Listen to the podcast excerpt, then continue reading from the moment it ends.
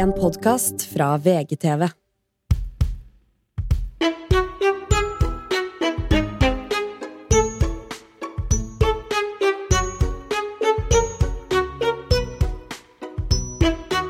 Hei, uh, dette er Morten uten Vegard, for vi har, eh, det er sommerferie vi skal lage pod, og nå i dag så er det et sånn eh, spesialpod som ikke er nødvendigvis av det lystige. Det betyr ikke at dette er mørkt og trist og du ikke skal høre på det. Jeg vil veldig gjerne at du skal høre på det.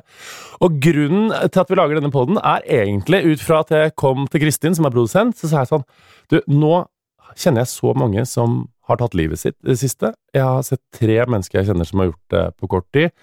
Jeg bare føler, Skal vi snakke litt om mental helse? Skal vi snakke litt om selvmord? Skal vi snakke, snakke litt om selvmordstanker? Fordi det er så mange som sliter med det. Og selv om det ikke fins noe fasit, eh, så har jeg lyst til at vi skal høre litt om eh, Stemmer det at det er flere som tar selvmord nå enn før? Hvorfor får man selvmordstanker? Hva kan man gjøre for å forhindre at de går så langt at det mest forferdelige skjer? Eh, og for å snakke om blant annet dette, så har jeg fått med meg to personer som jeg liker veldig godt, nemlig Hanna og Oskar, som du kanskje kjenner fra Ta vare-podden, en pod som snakker om psykiske eh, problemer, psykisk uhelse, med ulike kjente mennesker. Og så har jeg lyst til å si til deg, før denne samtalen går i gang, at det kan jo være sånn at det å høre om dette temaet Vi kommer til å snakke veldig mye om selvmord, og ikke nødvendigvis personer, men litt om hvorfor det skjer, selvmordstanker osv. Det kan være litt triggende for enkelte. Jeg har lyst til å si til deg at hvis dette ikke er noe som du har så veldig godt av å høre om, eh, så er det kanskje riktig av deg å skru av. Men hvis du har lyst til å lære litt mer, hvis du har lyst til å lære litt mer om hva man kan gjøre for å spørre de som sliter, hva man kan gjøre sjøl hvis man sliter med de mørkeste tankene, og for å få en litt informerende og kanskje inspirerende og fin samtale med disse menneskene, da kan du høre på. Eh, jeg håper du koser deg. Her er podden min med Hanna og Oskar. Eh, hei, Hanna og Oskar. Hei, takk for hyggelig intro. Eh, bare koselig. Eh, veldig hyggelig å se dere. Hvordan går det med dere? Det spør man jo om i sånn apropos psykisk helse. Det Ja. Du, jeg, har det, det godt. Eh, I dag har jeg det godt. Det er jo det er hektisk om dagen, men, ja. men det er veldig hyggelig å komme inn i studio her. Liksom slappe av, bare være sånn til stede her med deg, Morten, og med deg, Hanna. Er du sånn som får det bedre av å ha det hektisk, eller dårligere? For veldig mange sier sånn, du må ikke jobbe så mye, da får du det dårlig. Jeg har det alltid best når jeg jobber mye, for da Ja. slipper jeg å tenke på det alt. Ja, men jeg er litt enig med deg. Jeg er veldig opptatt av at uh, jeg jobber jo fordi jeg syns det er gøy. Jeg har jo det hektisk fordi jeg elsker det, men jeg er også veldig opptatt av at jeg må ha pause.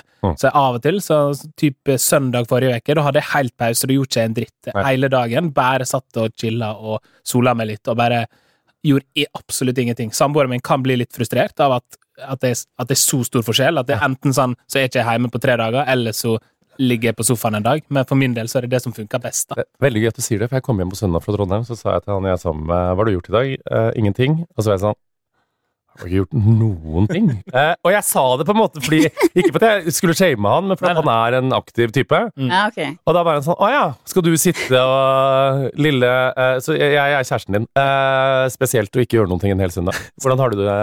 Du, vet du hva, jeg har det Nå har jeg det veldig bra. Ja. Jeg har vært, uh, hatt sånn indre veldig mye stress i kroppen i dag. Ja. Um, Hvorfor? fordi at jeg jobber på spreng for å komme i mål med alt jeg drømmer om å gjøre ferdig før jeg skal kunne ta ferie. Uh, og begynner å innse at jeg kommer ikke til å nå det. Ja, jeg, Så- jeg har også gitt opp. ja, du har det, ja. Ja, jeg var innom jeg skal gi ut en bok egentlig til høsten, og så hadde Sånn, ja. noen sett over, og så hadde de skrevet en mal for hva jeg skal gjøre, og det var sånn, skriv fire kapitler til, strukturer om alt, og så var jeg sånn, skal, skal, og den skal ut til høsten, ja, hvis du har tid. Mm. Og da er jeg sånn, nei, det Nei. Nei. Så er jeg veldig dårlig, jeg har ting hengende over meg, Ja, jeg vet. så jeg tror veldig... kanskje jeg kommer til å jobbe, ja, nei, så jeg har bare utsatt ferien to uker. Ja, ikke sant? Men det var sikkert lurere, tror jeg. Ja. Jeg har uh, gått for Jeg kan jo alltids stå opp klokka sju noen dager i ferien Ja. og jobbe noen timer på morgenen der. Mm. Eh, det er min konklusjon, da. Mm. Så jeg var ganske stressa tidligere i dag, men så har jeg hipstra meg eh, gjennom for å finne litt ro, så jeg har spilt litt LP-plater før jeg kom hit. Og da Hva spilte du da? Emilie Nicolas og Bon Iver i dag, da. Mm. Men apropos LP-plater, det spilte jo alle barndomsvennene mine, vi var sånn hippier som satt i bukser og satt i ring og diskuterte kjønnsteori. Eh, tror du at CD-plata på en måte blir det LP-plata var, eller er det LP-plat? Blir den like nostalgisk og jeg Er tror, kanskje ikke noe om den knitrer litt, Nei, jeg tror det er umulig, altså. Jeg tror det er umulig, Med mindre man putter den på en disk med vindu, så du Ja. kan se CD-en inni. Det er på en måte litt nostalgi, i hvert fall. Sant. Bare før vi setter i gang, eh, jeg sa det innledningsvis, dere har podkast, jobber med mental helse i ungdom. Viktig å presisere at dere ikke er psykologer eller psykiatere. Eh, Fortell litt om bakgrunnen deres med Jeg har jo sagt mye av det, men hvorfor jobber dere og brenner dere for å snakke om det, disse temaene? For min del så er det både personlig erfaring Ja. eh, med psykisk uhelse. Hvordan da? har vært gått på veggen, Ja. sikkert. Ja. Eh, arrangerte Trondheim Pride for noen år siden samtidig som jeg skrev mastergrad, eh, og tenkte at jeg var udødelig. Ja. Eh, og så kom jeg til Oslo uten noe jobb som venta på meg, uten et sted å bo, og ingen som trengte meg. Eh, så da eh, var jeg innom en, eh, en grei depresjon der. Ja. Og har, og er litt engstelig type. Bekymrer meg Har du hatt angst da? Jeg vet på en måte ikke om jeg skal slenge ut angst, men jeg er generelt engstelig. Jeg, Ja. Det tror jeg Oskar kan bekrefte òg. Bekymrer meg for mange ting. Um, og så er det også uh, et inkluderingsperspektiv i det. Har en mastergrad i likestilling og mangfold. Ja. Og har gjennom å, å jobbe med pride og også utdannelsen min blitt opptatt av psykisk helse som en del av inkluderingsarbeid. Ja. Um, for psykisk uhelse er jo også enda mer representert Mm. blant minoriteter. Eh, jeg, eh, apropos, jeg pleier å si Jeg, hadde, jeg fikk angstanfall da jeg var 21, hadde panikkangst i sånn halvannet år. Ja. Kommer tilbake med jevne mellomrom, nå veit jeg hva det er, så det blir ikke sånn Nå tror jeg ikke jeg skal dø, som jeg trodde det i de to åra. Så hadde jeg én periode med depresjon. Um, jeg vet husker ikke hvor lenge det varte, sånn fire-fem uker. Ja. Og jeg har alltid sagt heller 100 angstanfall om dagen enn én uke med depresjon. Det er det jævligste jeg har vært borti. Ja. Det var som å bevege seg i tjukk tåke. Mm. Det var ikke mulig å bli glad, ikke mulig å bli deprimert. Det var bare sånn flat hele tida. Ja. Og ja, det var um, Ja, Det er tungt, ass. Det er kjempetungt, og man blir jo eh, Det er noe av det skumleste med det, er når man blir apatisk, syns jeg. Ja, enig. Det at man Det er det man er. sånn Ja, at man bare er sånn Det er ingenting som engasjerer deg, på en måte. Det er ingenting som Og du bryr deg ikke heller om noe jævlig skjer. Nei. Det er bare sånn, ok. For det er- Apropos, det er jo litt det vi skal snakke om i dag. Jeg husker, altså jeg har aldri hatt selvmordstanker, eh, men jeg husker den perioden jeg var deprimert, så husker jeg tenkte hvis dette er den kroniske tilstanden min, Mm. da orker jeg ikke. Altså, da er det ikke noe vits, på en måte. Mm. Hvis jeg ikke kommer meg ut av dette, da, da skjønner jeg Jeg husker at jeg skjønte for første gang i livet mitt hvorfor noen velger å gjøre det Ja. Mm. Man tenker jo litt sånn at man gjør det for at man har en, altså, er lei seg, eller man ikke liksom, man har opplevd et brudd, eller noe sånt. Så skjønte jeg sånn Og det kan man også selvfølgelig gjøre, men da husker jeg tenkte sånn Kanskje det handler om at det er noe i hodet ditt som ikke fungerer, så du ikke er i stand til å kjenne på følelsene du har lyst til å kjenne på, og at det er sånn det, Denne verden er ikke for meg. Var i hvert fall det jeg tenkte da. Mm. Man skal ikke spekulere i motivasjon om selvmord og sånn, men jeg må spørre dere, fordi som jeg sa i introen her Opplever dere at det er mye mer selvmord nå enn før? Er det en riktig Altså, det er jo ikke en teori, det er en tese. Stemmer det? Altså, det er, jo, det er jo sånn at i dag eh, så til annenhver dag så til et ungt menneske Ja. livet sitt. Og når, når jeg sier ungt menneske, så er det vel opptil 39 år. Mm. Eh, riktig, siden Mental Helse Ungdom sin målgruppe. Jeg blir glad når du sier til opp til 39, for det betyr at jeg er ung. Det er alltid litt deilig, det. ja. I denne sammenhengen så er det positivt. Ja. eh, og det var vel rundt 600 som, eh, som tok livet sitt i 2022. ja. Eh, og vi er på en måte vår visjon, eller sånn, både min og Hanna sin, men Mental Helse Ungdom sin, er at Ja. det skal ikke være noen i det hele tatt. Men eh, Er det mulig? Det tviler jeg på. Ja. Eh, uten at jeg har noe tall på det, så tviler jeg på det. Eh, men det er jo også ganske absurd når man eh, liksom som nasjon har satt seg en nullvisjon. Mm. man har man satt seg en nullvisjon. Og det å da se tilbake på de årene som har vært, hvor eh, det har på en måte Over ti år så har det gått opp, sakte, men sikkert. Ja. Eh, så den nullvisjonen går vi jo lenger og lenger unna Mm. med tiden. Eh, så jeg tenker jo Det er vel bare for å sette seg Kall det et hårete mål, da, men på en måte sånn, ja. Å få det så langt ned som overhodet mulig, og null hadde vært det ideelle. så for å svare på ditt spørsmål, ja. Ja. Det har jo gått opp. Ikke sant? Mm. Uh, og det er altså Og det er uh, Og det er jo litt sånn Selvmord, om man skal snakke om det i media, sånn er jo litt tvega sverd, fordi man snakker om Før var man veldig forsiktig Mm. med det pga. smitteeffekt. Jeg husker når jeg vokste opp, så var det da Kurt Cobain, som var vokalist for Nirvana, uh, tok sitt eget liv. Mm. Veldig mange spekulerer at det var Courtney Love som gjorde det. Eh, det er en myte. Eh, altså, liksom, og da husker jeg at det var, leste jeg masse artikler om at det var en sånn smitteeffekt blant grunge-miljøet i hele verden som liksom hadde sett Idol gjøre det. Så Ah. tenkte jeg at dette var løsningen og sånn. Mm. Smitteeffekten på selvmord, å snakke om det, og offentligheten, hvor, kan dere si noe om det? Er den reell, reell og er den stor?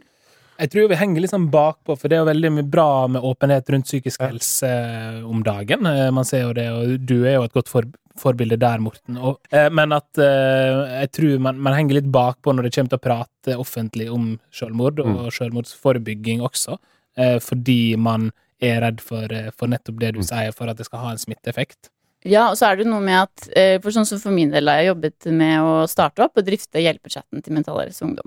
Og i forbindelse med det så hadde jeg jo en del opplæring eh, av de frivillige innenfor selvmordsforebygging og det å ha samtaler om selvmord. Og en veldig vanlig eh, tanke som mange har, som jeg også har hatt, er at eh, hvis du spør noen, eller snakker med noen om selvmord fordi du er bekymra og fordi du bryr deg, så er det mange som kan være redde for at de hva om, hva om jeg spør deg, liksom, Morten, om du har selvmordstanker, Mm. og så hadde du ikke det i utgangspunktet, Mm. så er det mange som tenker at hvis jeg tar opp det temaet, så putter jeg de tankene inn i hodet på deg. Hodet på deg, ja. Eh, og det er absolutt ikke tilfellet. Nei. Og det er jo litt Jeg tenker også med media at det at det er blitt mer At man har blitt mer transparent på at et et selvmord var et selvmord, syns jeg er veldig viktig. Mm. Eh, at det, det kan ikke være skadelig. Og det er heller ikke sånn Det er bevis at det ikke er Det lager ikke selvmords Altså, det utløser ikke selvmordsatferd å ta opp selvmord som en tematikk som er et av veldig mange temaer innenfor psykisk uhelse. Mm. Det verste som skjer, hvis jeg spør deg om du har selvmordstanker og tenker på å ta livet ditt Altså, ikke verste, men du skjønner sånn Et alternativ er at du sier nei, men det betyr mye at jeg har brydd meg nok og tør å spørre deg. Mm. Det er det som skjer. Ja, og så er det sikkert vanskelig å vite, og det er viktig å spørre, men så er, vil man heller ikke være den sånn har lyst på en kaffe, ja, har du selvmordstanker? Altså, man, altså, man må, hvor man skal spørre, er jo alt jeg, Min filosofi er også det at man heller må snakke om det, eh, ha åpenhet rundt det, og litt sånn at det som ikke dreper deg, gjør deg ikke sterkere, sier det. Det er vi uenig i, men at det hjelper å prate om det på et eller annet vis. Ja. Ja. Eh, men altså, er det jo statistikk på i Norge at det er veldig mange flere menn og gutter som tar livet sitt, Mm. enn kvinner. Eh, og det ser jeg sjøl òg av Jeg kjenner alle de jeg kjenner som har tatt livet sitt, Mm. er menn. Det er sånn fem-seks stykker. Veldig komplisert spørsmål å eh, svare på, og det er ikke Men hvorfor er det sånn, tror dere? At det er så veldig mange flere menn enn kvinner som tar livet sitt? Ja, det er et vanskelig spørsmål. Jeg har på en måte jobba litt med det med gutter og psykisk helse sjøl, i Mental Helse Ungdom. Jeg syns, og jeg har ikke noe, ikke konkret svar på det, men eh, et, et, det, er jo, det er jo fortsatt tabubelagt generelt med psykisk helse blant menn, tror jeg. Vi, jeg syns vi som nasjon, og jeg merker sjøl i mine vennegjeng, at vi blir bedre på det. Eh, men jeg tror at, eh, litt som jeg nevnte i stad også, at man henger igjen, tror jeg, når det kommer til det med sjølmordstanker, fordi det blir ekstra tungt da, å skulle ta opp. Jeg tror, og jeg merker det sjøl også, jeg syns det kan være vanskelig å snakke om det med venner. Mm. Eh, psykisk helse føler jeg vi er i ferd med å komme inn i en sånn Vi kan klare å prate om det, men at selvmord er liksom så tabubelagt og skummelt ord, da. Hva tror du, Anne? Eh, Jeg tror også det er veldig eh, mye skam Ja. rundt det å ha selvmordstanker. Og også på lik linje med annen psykisk uhelse, at terskelen er mye høyere for å ta det opp. Eh, det er kanskje ikke folk i liksom umiddelbar nærhet som Hvis du er omringet av eh, andre menn som heller ikke snakker om hvordan de har det, så er det jo litt sannsynlig at noen kommer til å spørre noen. Ja. Eh, og da blir terskelen ekstremt høy, ser jeg for meg, for å liksom ta det opp i en, en eh, gruppe med menn, eller til en Mm. mannlig kompis, da. Mm. Em, og så er det jo også Ikke at det nødvendigvis står så sterkt i akkurat liksom den kjønnsforskjellen, men jeg lærte også på eh, selvmordsforebyggingskurs eh, at en av grunnene til at flere menn dør i selvmord enn kvinner, er at de bruker Det er helt absurd å si, men hardere metoder, ja. Rett og slett. Ja. Eh, og det gjør at eh, det er flere av de som faktisk At det faktisk blir gjort, da. Ja. Mens mange kvinner Det er høyere andel kvinner som blir eh, behandla altså, og hjulpet i etterkant av selvmordsforsøk. Der er statistikken motsatt. Em, så det å ha jo noe å si her Så det er faktisk sånn, og når man ser, altså det er jo sånn I 2021 så ble det registrert 658 selvmord i Norge. og Da leser man jo at 482 av de er menn, og 176 av de er kvinner. Det er jo en ganske ekstremt stor forskjell. Mm. Men da skal man også vite at det er faktisk høyere antall kvinner som blir behandla i etterkant av selvmordsforsøk. Ja. Ja. Mm. ja. Uh, og det er jo, som du sier, og det er jo sånn og det, det er jo litt sånn Det jeg dere om, for det er sånn absolutt min erfaring med de jeg kjenner, er de som snakker om hardere metoder, så er det mer metoder som gjør at det er en ganske sikker død. Veldig dødelige metoder, Veldig dødelige metoder, Mhm. uten man skal si hva det er, mens kvinner oftere tar ting som du kan er større sjanse for at det går bra. Mm. Så er jeg sånn Og dette er sånn det er, Man må kanskje spørre, for det er viktig med åpenhet, men all min erfaring og det jeg snakker med og sånn, så er det sånn eh, Og når man snakker med kvinner, så er mitt inntrykk at det er gjerne personer som har slitt litt i lengre tid, hatt åpenhet rundt psykisk uhelse, gjerne liksom prøvd å oppsøke noen ting, og det har vært eh, mentale problemer. Mens så jeg har hørt veldig mange menn så er det sånn, nei, det kom helt ut av det blå. Ingen som hadde hørt noen ting. Og så er det sånn uh, Han fikk en regning han ikke klarte å betale, og så så han ikke noe ende på det. At det er mer sånn Det høres mer sånn umiddelbart og ulogisk ut. Uh, at det er sånn nesten litt sånn Nei, han fikk litt panikk for at det gikk Altså at, at det er At det høres nesten mer sånn psykoseaktig ut. Kan det være noe i det, eller veit dere noe om det? Altså Hvis jeg skal tenke høyt rundt Ja. det, så er, vet jeg at det er en av de Det er jo noen utløsende faktorer som Ja. kan sørge Altså som kan føre til at man får selvmordstanker. Hva er det? Eh, økonomi er en av de. Ja. Og tap. Tap av jobb, tap Mm. av familiemedlem, tap av noen man er glad i, eksempel. Eh, det er liksom to av de jeg husker best, på en måte. Mm. Eh, men ja, så Men hvorfor det på en måte er Men samtidig, de mennene hvor det har kommet brått på, Ja. det betyr jo ikke at de ikke har slitt over lang tid. Nei. Det kan hende de bare ikke har sagt det til noen. Mm. Eh, og så er det kanskje på et eller annet vis i hodet lettere å ta sitt eget liv enn Mm. å snakke med noen. Veien er lenger, egentlig. Du sier at økonomi er en, kan være en utløsende årsak. Og det er jo sånn, vi lever jo i en tid hvor økonomien er veldig utrygg. Vi Mm. ser liksom Norske kroner er kjempelav, og folk sliter med å betale lån, og det er ganske vanskelig for veldig mange. Mm. Bør vi være med mer obs nå på å snakke med folk som vi mistenker kanskje sliter litt? Jeg tenker jo at man eh, Ja, Ja. kanskje. Eh, altså generelt sett bare være mer obs på, Mm. på de rundt seg. Jeg tenker at det er noe man burde gjøre om det er vanskelig økonomisk eller, Mm. eller noe annet. At man uansett skal på en måte være mer til stede, fordi man vet også at de tallene er så høye. Eh, og man vet jo på en måte aldri hva som skjer på andre sida eh, av, eh, av den personen sitt liv, da. Og hvis noen hører på nå som er, kan du spørre om det først, som kjenner noen som de mistenker sliter, og Mm. er redd for at det kan ende med det mest fatale. Hvordan til, nærmer man seg folk for å snakke om det, hvis de er litt redde for å ta det første steget? Her er det eh, mange viktige ting å si om det. Ja. Eh, det første er at i et forsøk på å eh, hjelpe noen med selvmordstanker, eller noen du tror har selvmordstanker, så har du aldri ansvar for et annet menneskes liv. Mm. Så det å huske på det eh, kan gjøre det litt mindre skummelt å spørre.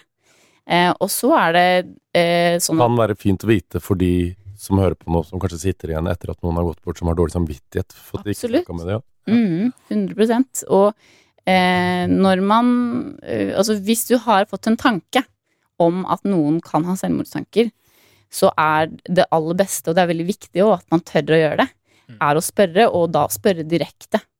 Ikke på en måte gå rundt grøten og spørre sånn Ja, er det litt, er det litt vanskelig akkurat nå, eller hvordan føler du det, eller Men rett og slett tørre, og dette kan man øve seg på.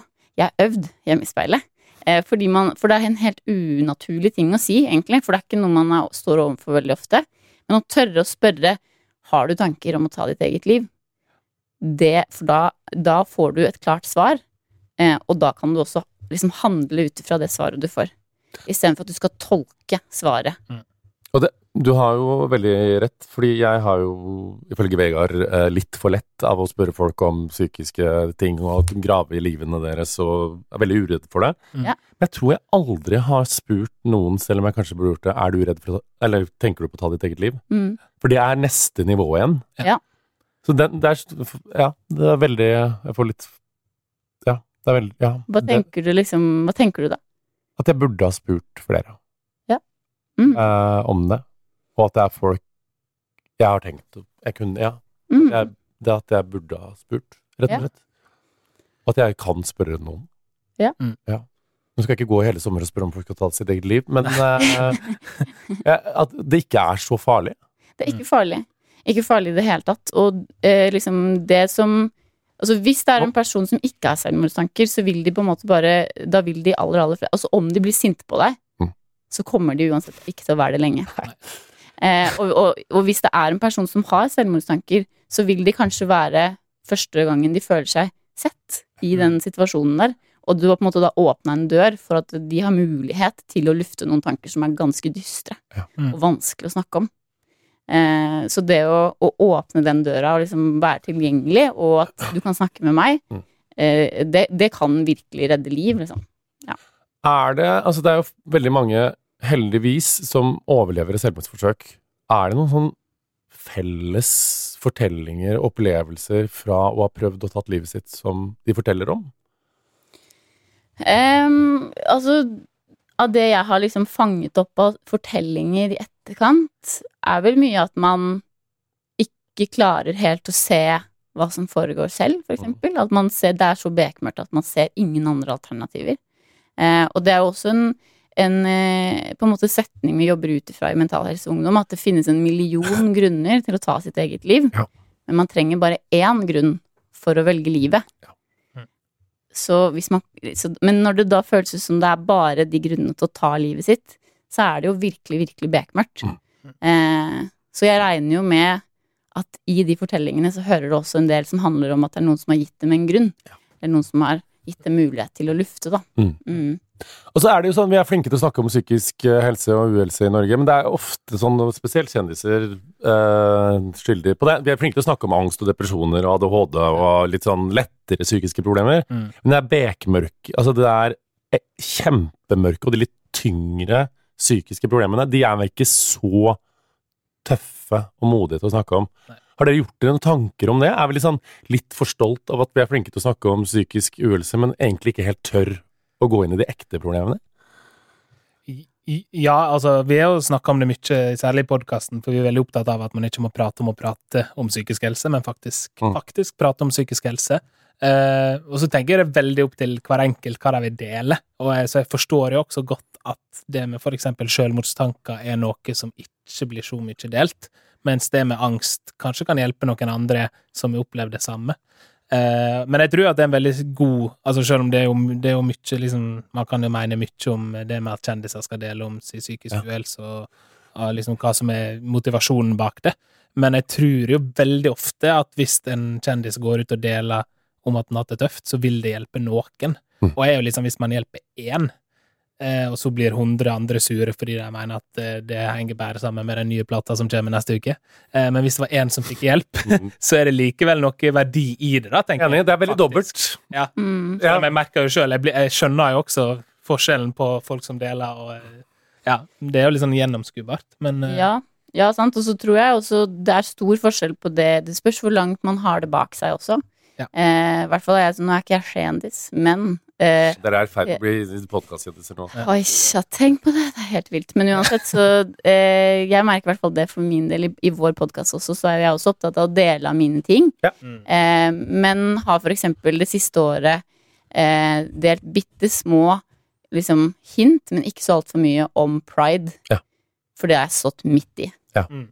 Eh, det har vært kjempevanskelig å snakke om. Så det, vi spilte jo inn en episode nå forrige uke eh, hvor vi intervjua hverandre for første gang.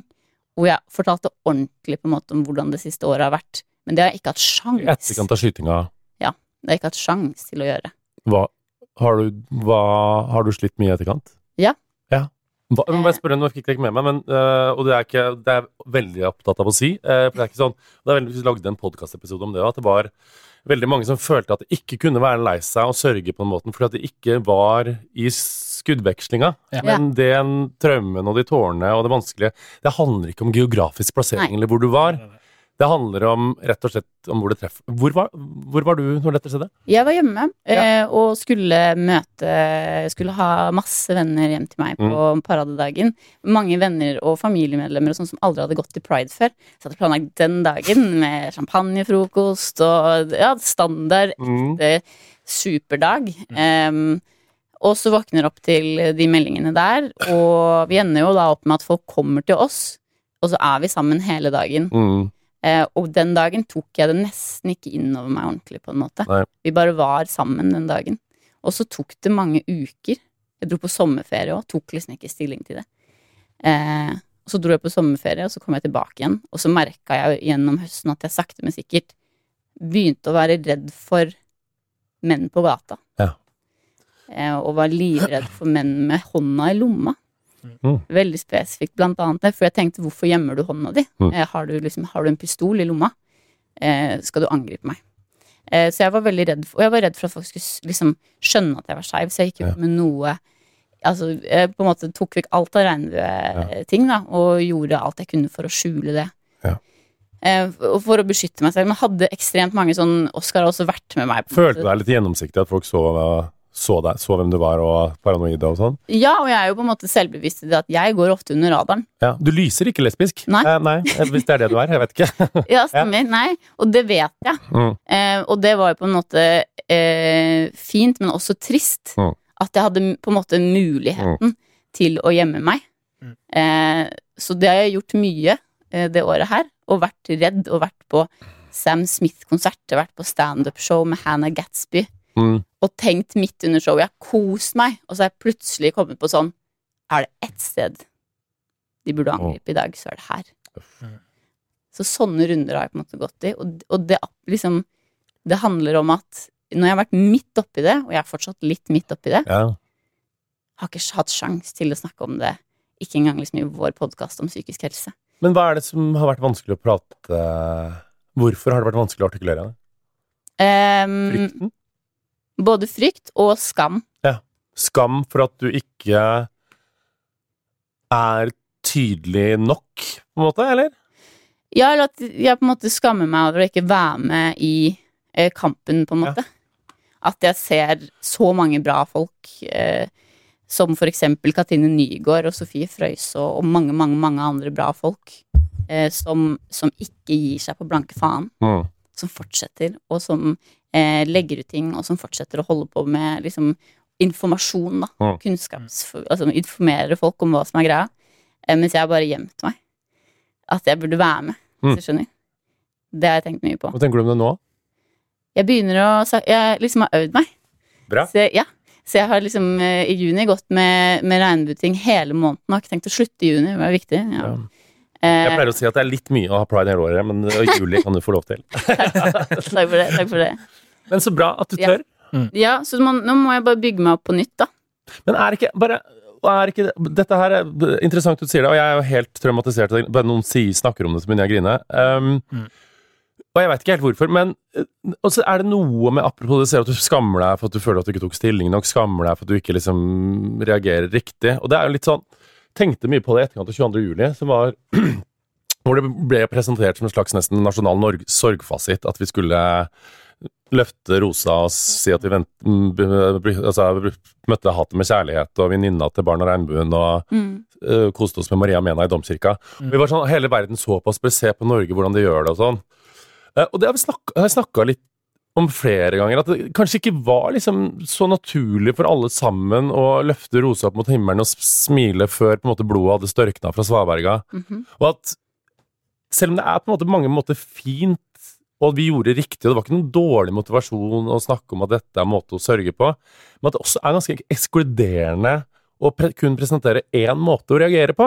100%, ja. At de som på en måte reiv opp blomsterbedene og rusa seg og øh, ligger og skjelver, på en måte, de reagerer også på en helt grei måte. Like Mm. grei som de som går i rosetog. Og det er jeg litt sånn opptatt av med pride i året, at det er sånn Vi vi må ikke gå Jeg føler at sånn vi må, ikke liksom, vi må ikke gjøre det der igjen. Vi må ikke liksom tenke at sånn De som reagerte riktig etter noe sånn, Mm. de var det riktige, mens de som gjorde Altså, det er ikke noe riktig eller feil. Men der gjorde jo du noe veldig viktig. Ja, det er. For jeg husker at du snakka Ja. da dette her skjedde, og at noe av det du sa var i dag er det lov å være alt. Det er lov å være forbanna. Det er lov å kaste dartpiler på terroristen Ja. i stedet for å øh, synge 'Deilig er jorden'. Mhm. Eh, men så sa jeg også noe feil, for jeg sa det ikke kun handla om kjærlighet. Det handler om mye mer enn det. Det handler om politikk, historie og et ekte utenforskap som jeg hata at jeg sa i lang tid etterpå. Mm. For pride er ikke bare kjærlighet. Nei. Jeg var sånn, Og det er apropos at man faller litt i klisjeer sånn der, da. Mm. Jeg var sånn ja, men dette handler kun om kjærlighet. Det er så trist. Og det er jo veldig rørende å si, og alle bare 'Å, det er så fint du sa det', og Mm. Ja, det er rørende, på en måte, men det er ikke sant. Det er så jævla mye mer, på en måte. Mm. De skeive og de som er trans eller homo eller bi eller alle de hundre legningene og identitetsmerkelappene som finnes, som sitter der og gråter og er rusmisbrukere og uten familie, og, Mm. og så sitter han der høye homoen på Dagsrevyen og sier men det handler kun om kjærlighet. Jeg tror ikke de er helt enig i det, nødvendigvis. Det var et sidespor. Um, når vi snakker om selvmord, og nå snakker vi om hvis du mistenker at noen gjør det sånn Hvis du sliter sjøl med disse tankene, de har kommet inn i hodet ditt, så er det sånn Og det er også et stort spørsmål å stille. Hva kan man gjøre? Mm. Det er mye man kan gjøre, men hva kan man gjøre altså av konkrete tiltak? Altså det mest konkrete er jo å prate med noen. Eh, og så skjønner jeg at det er litt eh, som du sier, det er jo ikke alle som har noen rundt seg som man alltid kan prate med, eh, men å vite at det fins tilbud da, rundt omkring. Og nå skal ikke jeg liste opp alle, for det er veldig mange, og det er veldig bra. Ja. Eh, men eh, blant annet hvis du er ung, så, og voksen for så vidt, ung.no slash chat, for eksempel, eller ung.no, der finner du oversikt over alle chattetjenester, over alle ringet, ringetelefoner, som jeg bruker å kalle det. Eh, så alle du kan ringe. For jeg tror at det er på en måte, der sitter veldig mange eh, kompetente og mindre kompetente folk, men som har hjertet på rette staden, som har lyst til å bidra, som har lyst til å være en person man kan prate med. da. Så bare husk liksom at det alltid er mulighet til å prate med noen. Mm. Uh, og Hanna er jo helt uh, Altså, du har jo jobba i hjelpechatten Mm. og tatt imot de her er som, eh, som trenger det. Mm. Uh, og, eh, så det der er jo selv om det ikke alltid er like lett å komme til psykolog eller få time eller ha råd til det, så er det fortsatt veldig mange lavterskeltilbud som kan hjelpe deg, da. Ja, og så er det, eh, det er flere ting som er viktig å huske på her. Det første er at selvmordstanker i seg selv er ikke farlige. Nei. Eh, og det er også veldig vanlig. Kjempevanlig. De aller, aller fleste har det i løpet av livet, og mange kan synes at det er en trøst. Faktisk. Å ha det, hvis man har det veldig, veldig vanskelig, at man på en måte vet at skulle alt gå til helvete, så er det også et alternativ. Og det Mhm. betyr ikke at man handler på det. Noen handler på det, og det er det man må finne ut av, da. Eh, men det å ha selvmordstanker i seg selv er ikke farlig. Hva er selvmordstanker? Er å kjøre gjennom en tunnel og si sånn Oi, hvis jeg vrenger rattet til høyre her nå, så dør jeg. Det opplever jeg som en Det har jeg tenkt noen ganger. Mm. Det opplever jeg som en tvangstanke. Ja. Jeg, hvis jeg hadde bestemt meg, så er jeg ett sekund unna døden. Mhm. Hva er, altså, hva, altså, hva er selvmordstanker? Er det pågående over lengre tid? Altså, kan man si noe om det? Ekte selvmordstanker man burde ta tak i? Jeg tror, eh, uten at jeg liksom har noen fasit på det, så tenker jeg jo at det er eh, både det å hoppe innom tanken, på en måte, eh, er jo innenfor tematikken, i hvert fall. Men også det å tenke og gå i de baner at man tenker at alt, alt hadde vært mye enklere hvis bare jeg ikke var her. Mm. Alle andre hadde hatt det mye bedre, Bedre. hvis jeg ikke var her. Eh, eller at man på en måte Og så, og så kan man også er det jo de, de tankene som når det begynner å bli alvorlig, når man på en måte begynner å tenke på eh, altså hva man skal gjøre, og når man skal gjøre det, da er det mye mer alvorlig. Mm. Men det å tenke at nå hadde det vært godt å få slippe, det er også en type selvmordstanke, kan man på en måte si, da. Og det er også noe av grunnen til at man må tørre å spørre direkte, fordi når folk snakker Folk kan faktisk snakke om selvmordstanker uten at du skjønner det. Mm. Fordi det kan være veldig vagt. Ja, for det er jo noe med at du må tørre å spørre, men du må også tørre å lytte. Du må på en mm. måte tørre å motta det svaret som du frykter, da. Mm. Eh, og det tror, jeg, det tror jeg også Det kan være vanskelig for mange.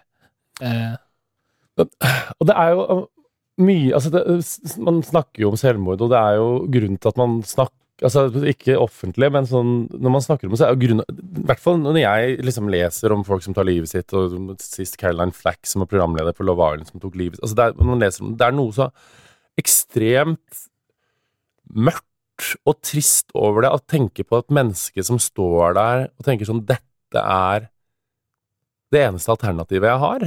Um, og så har jeg også opplevd, må jeg spørre dere om, for det er sånn etterlatte i selvmord. Eh, og så er, sitter man igjen der, og så kjente man den personen, og så er det en mor igjen, og en far igjen, og kanskje en kjæreste igjen. Og da opplever jeg sånn um, I hvert fall jeg opplevde at det er sånn Hva sier jeg? På en måte. Mm. For det, det går ikke med den der kondolerer det er, det er enklere å sende en blomsterbukett og ta en prat med en kjæreste hvor kjæresten har dødd av kreft, eller skjønner du hva jeg mener? mm.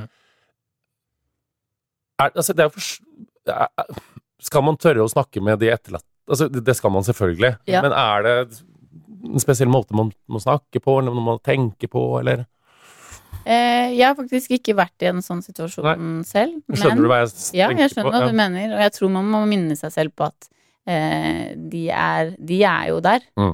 Og de er vanlige folk som er forferdelig lei seg, selvfølgelig. Mm. Men det er jo ikke farlig å snakke med de. Eh, og man kan også være Det setter i hvert fall jeg pris på hvis jeg er lei meg av liksom litt enklere grunner, på en måte, men at folk spør hva trenger du av meg nå? Så kan Mm. man faktisk ha en liten forventningsavklaring før man f.eks. buser på med sykt mange gode råd, eller at man insisterer på å snakke om den personen som nettopp er død, Mm. eh, og liksom legge styringa litt hos den personen man snakker med, da. Kan jo være en måte å løse det på. Mm. Mm. Og så er det noe med, som du sier, at det er veldig sånn at man tenker sånn verden hadde vært eh, enklere uten meg. Eh, at det er liksom ofte noe som går igjen, kanskje, i selvmordstanker. Og så ser man jo begravelser med folk som har gjort det, og så ser man en kirke med sånn fy faen, den skulle ha sett hvor mange som faktisk elska den personen. Spørsmålet er det er altså for de som tenker den tanken, alle får det bedre uten meg. Der er vel svaret et klart og klinkende nei, eller?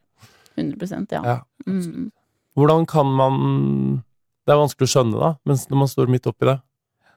Ja, og så hvis man liksom eh, Hvis man er klar nok i hodet Ja. til at man tenker at man trenger hjelp, eh, så tror jeg det også kan hjelpe å, å huske på at liksom man behøver ikke ha tenkt ferdig tankene sine, man behøver ikke ha velformulerte setninger når man snakker med noen, men å bare starte et sted Ja. Mm. eh, er liksom så Altså det er så mye verdt, da.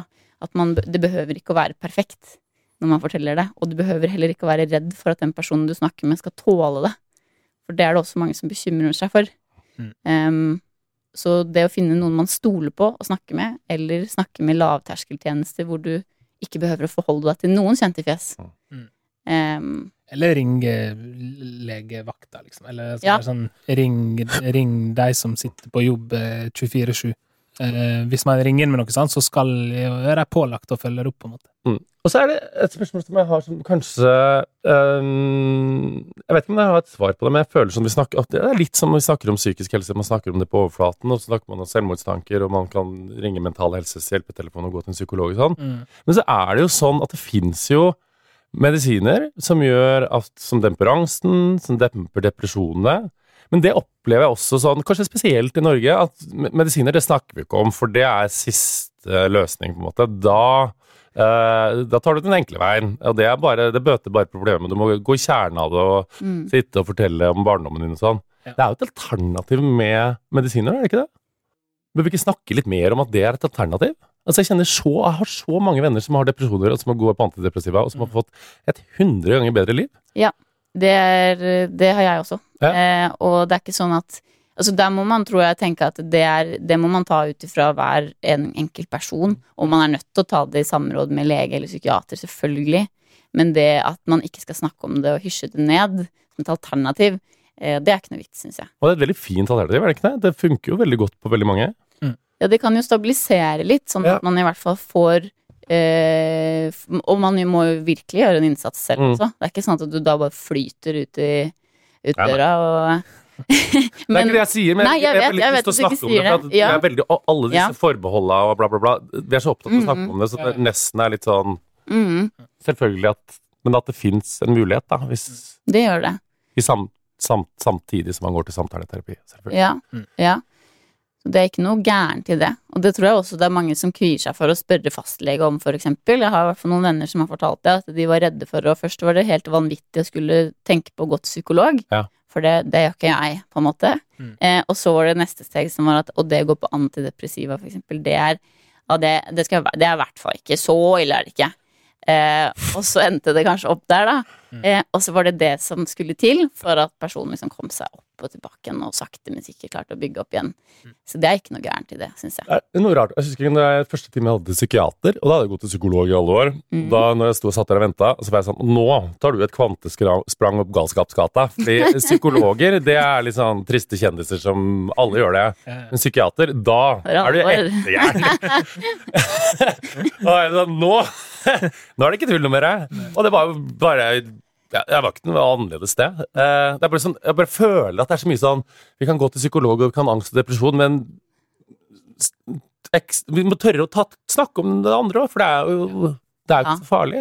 Men kan jeg spørre deg, var det da Var det forskjell på å gå til psykiater og psykolog? Psykiater, Grunnen til at jeg gikk til psykiater, var fordi eh, jeg og Vegard snakka mye om psykisk uhelse i alle de år. Um, og så var det på et tidspunkt hvor eh, Nå utlever jeg, han, han hadde en dårlig dag, og sånn, så jeg sa men du, nå må vi begynne å ta tak. Så jeg bestemte for oss begge, nå skal vi på utredning. Ja. Så jeg ordna egentlig Jeg skal finne ut For at jeg hadde sånn ikke sant, tenåra så var jeg sånn Å, jeg er tenåring. Så var jeg 20 og flytta til Bodø. 21, jeg flytta til Oslo. Jeg unnskylder alltid med perioder. Så sitter jeg der en alder av 36, hvor de fleste har fem unger som er 18, liksom. Eh, sa, Å ja, du ble sånn, på en måte. eh, det, var, det var perioder. Så tenkte jeg sånn Nå skal jeg finne ut av det. Og da begynte jeg det. Han var den nydeligste fyren, altså. Pål Viktor på Volvat. Og vi hadde det så hyggelig og prata og uh, gikk ordentlig i det. Det var ikke noe skumlere. Jeg synes det var bedre. Jeg var litt sånn lei av sånn pusete psykolog som spurte hva mora mi gjorde da jeg var liten. ja. Eh, Ja, så det var litt mer rett på sak? ja, ja. Og nå har jeg fått en ny psykolog som kjefter på meg. Han elsker jeg. Kjefter du tilbake? Nei. Nei. Ikke, men han det er sier ikke sånn at dere krangler. Ja, Han er psykologen til meg og Viggo Kristiansen, så jeg tror han har mye å gjøre. Ja, det er to cases. Så han tror jeg vet ikke, jeg håper han er psykolog etter han har hatt psykologtime. Eh, Men han, det har jeg funnet ut av. Og det er sånn, apropos psykologer, så er det sånn at du må finne ut hva du liker. Jeg er ikke noe glad i sånn pusestemme og hver gang jeg sier noe sånn Ja, men kanskje mora di har skylda. Nei.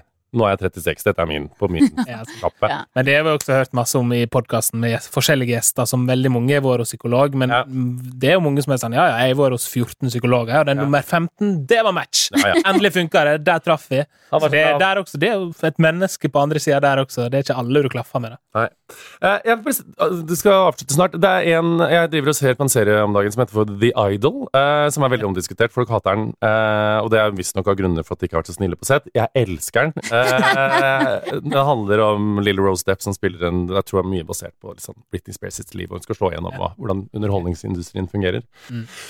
Og så har hun en fotoshoot uh, der hun tar bilder, veldig sånn sexy bilder, og de sier sånn trist og Hun er veldig og rødt sexy undertøy, og så har hun et sånn psykiatrisk armbånd på hånda. Og så sier han Troy Sivan, som spiller, så sier han sånn uh, Men skal hun ha det? Skal vi forfekte dette til de unge?